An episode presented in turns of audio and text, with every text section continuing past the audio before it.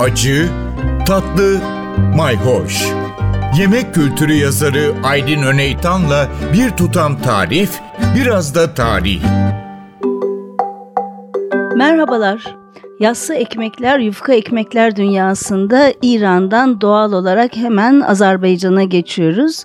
Şimdi İran'ın kuzeyinde bizimle sınır olan yerler genellikle Azerbaycani Garbi yani Batı Azerbaycan diye adlandırılıyor İran'da. Ee, hemen Azerbaycan'ın güneyinde olan yerlere ise Azerbaycan'ı Şarki yani Doğu Azerbaycan deniliyor. Ekmek kültürü neredeyse bizim Anadolu'yla tıpatıp aynı diyebiliriz. Zaten daha önce de bahsetmiştik. Lavaş ekmek için birlikte başvurmuştuk. UNESCO'nun somut olmayan kültürel miras listesine. Evet lavaşa orada yufka da denilebiliyor, yufka da denilebiliyor ama aynı zamanda ilginç bir kelime kullanıyorlar o da yayma. Gene Türkçe bir kelime elbette. Tandır ekmeği var, tandırda pişen pide gibi. Onun dışında mesela feseli var. Bizim kıyır kıyır kat kat katmer e, gözleme veya açma gibi.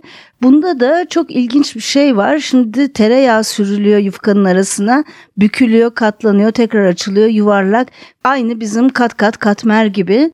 Fakat bazen bunun içine baharatlı bir tereyağı koyuyorlar. Normalde hamur açılınca üstüne düz tereyağı gezdirilirken bu sefer baharatlı bir tereyağı gezdiriliyor.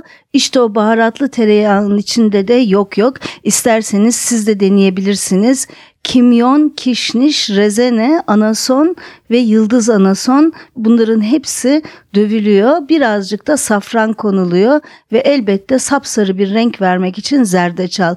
Evet evde hamur işinizi yaparken tereyağını bir de böyle baharatlı koymayı deneyin. Bakalım nasıl bir lezzet patlaması ortaya çıkacak. Evet Azerbaycan'da ve diğer ülkelerde dolaşmaya devam ediyoruz. Takipte kalın, hoşça kalın. Bir tutam tarih, biraz da tarif.